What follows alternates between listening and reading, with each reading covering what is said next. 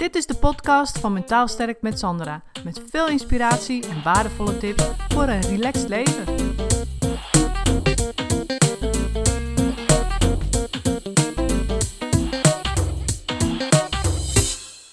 Hey, leuk dat je luistert. Een tijdje terug heb ik een uh, waardevolle video opgenomen waarvan ik dacht: hey, die is ook interessant om via de podcast te beluisteren. Dus bij deze, veel luisterplezier. Hey, Sandra hier van uh, Mentaal Sterk in de Zorg. En ik ga vandaag een vraag beantwoorden. En die vraag is: uh, door burn-out zelfvertrouwen kwijt, hoe krijg ik dat terug?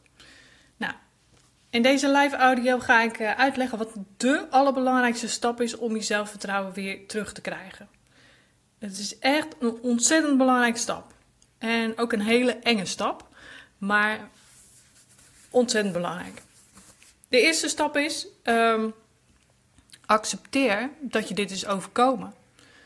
Uh, dat je een burn-out hebt gehad. Uh, dat je dus kwetsbaar bent en dat je niet perfect bent. En dat je dus ook angsten en onzekerheden hebt, of schaamte of minder leuke kanten hebt. En dus dat je niet perfect bent, want niemand is perfect. Want we willen allemaal graag perfect zijn, omdat perfect zijn betekent dat je erbij hoort. En als je niet perfect bent, hoor je er niet bij. En van de oer uit willen we, van de oertijd uit willen we er graag bij horen. Want we associëren kwetsbaarheid met zwakte. Omdat er een risico bestaat voor afwijzing of uitlachen. Dus dat doen we liever niet. We stellen ons liever niet kwetsbaar op. En daarom verschuilen we ons achter het beschermingsmechanisme perfectionisme. We houden ons sterker dan we zijn, dan hoeven we ook niet afgewezen te worden. Maar dat sterker houden dan je bent kost energie. Maar het is je dus in de eerste plaats is het heel belangrijk dat je je dus bewust bent van die angst die er schuilt achter je kwetsbaar op te stellen. En dat is namelijk de angst, de angst voor afwijzing van anderen of de angst voor verlies van controle over je leven. Want we zijn nu eenmaal een groepsdier en we willen erbij horen. En die angst voor afwijzing vermijden we dus door ons perfect op te stellen. We willen een perfecte collega, een perfecte moeder zijn enzovoort. Nou, de belangrijkste stap om na een burn-out weer zelfvertrouwen terug te krijgen is dus durf kwetsbaarheid te tonen. En ga niet op dezelfde voet verder als voor je burn-out, namelijk alles perfect willen doen, maar ga compleet iets anders doen. En als het je lukt om je kwetsbaar op te stellen, dan wordt dit juist een kracht. Je gaat dan juist iets durven wat je voorheen niet durfde. Je gaat dan je echte zelf laten zien. En je gaat zeggen wat je denkt, in plaats van smoesen te verzinnen of de schijn op te houden.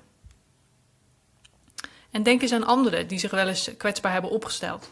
Misschien heb je ook wel zo'n ervaring, hè, waarin je de ander bewonderde voor zijn openheid en de moed die hij of zij had om zich kwetsbaar op te stellen.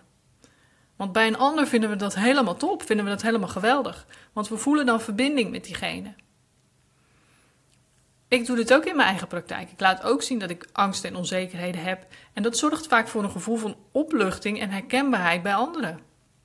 Want niemand is perfect en ik ook niet. En met kwetsbaarheid tonen win je zelfvertrouwen. Omdat je dan juist laat zien, jezelf, omdat je jezelf dan juist laat zien vanuit het idee: ik ben goed zoals ik ben. Ook mijn kwetsbaarheid mag er zijn. Je hebt dan dus de moed om jezelf te laten zien en je durft dan het risico te nemen om te falen.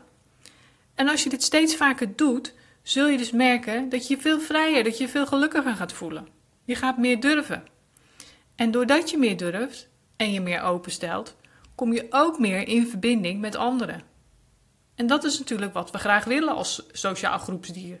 We willen in verbinding staan met anderen. En daardoor voel je je ook beter. En win je dus weer aan dat zelfvertrouwen. Omdat anderen je accepteren zoals je bent. Dat zul je gaan merken. Ook als je je kwetsbaar opstelt, dan zullen anderen je gaan accepteren als je bent, in plaats van dat ze je gaan afwijzen. Je wordt helemaal niet afgewezen als je je kwetsbaar opstelt. Dus, om het even samen te vatten.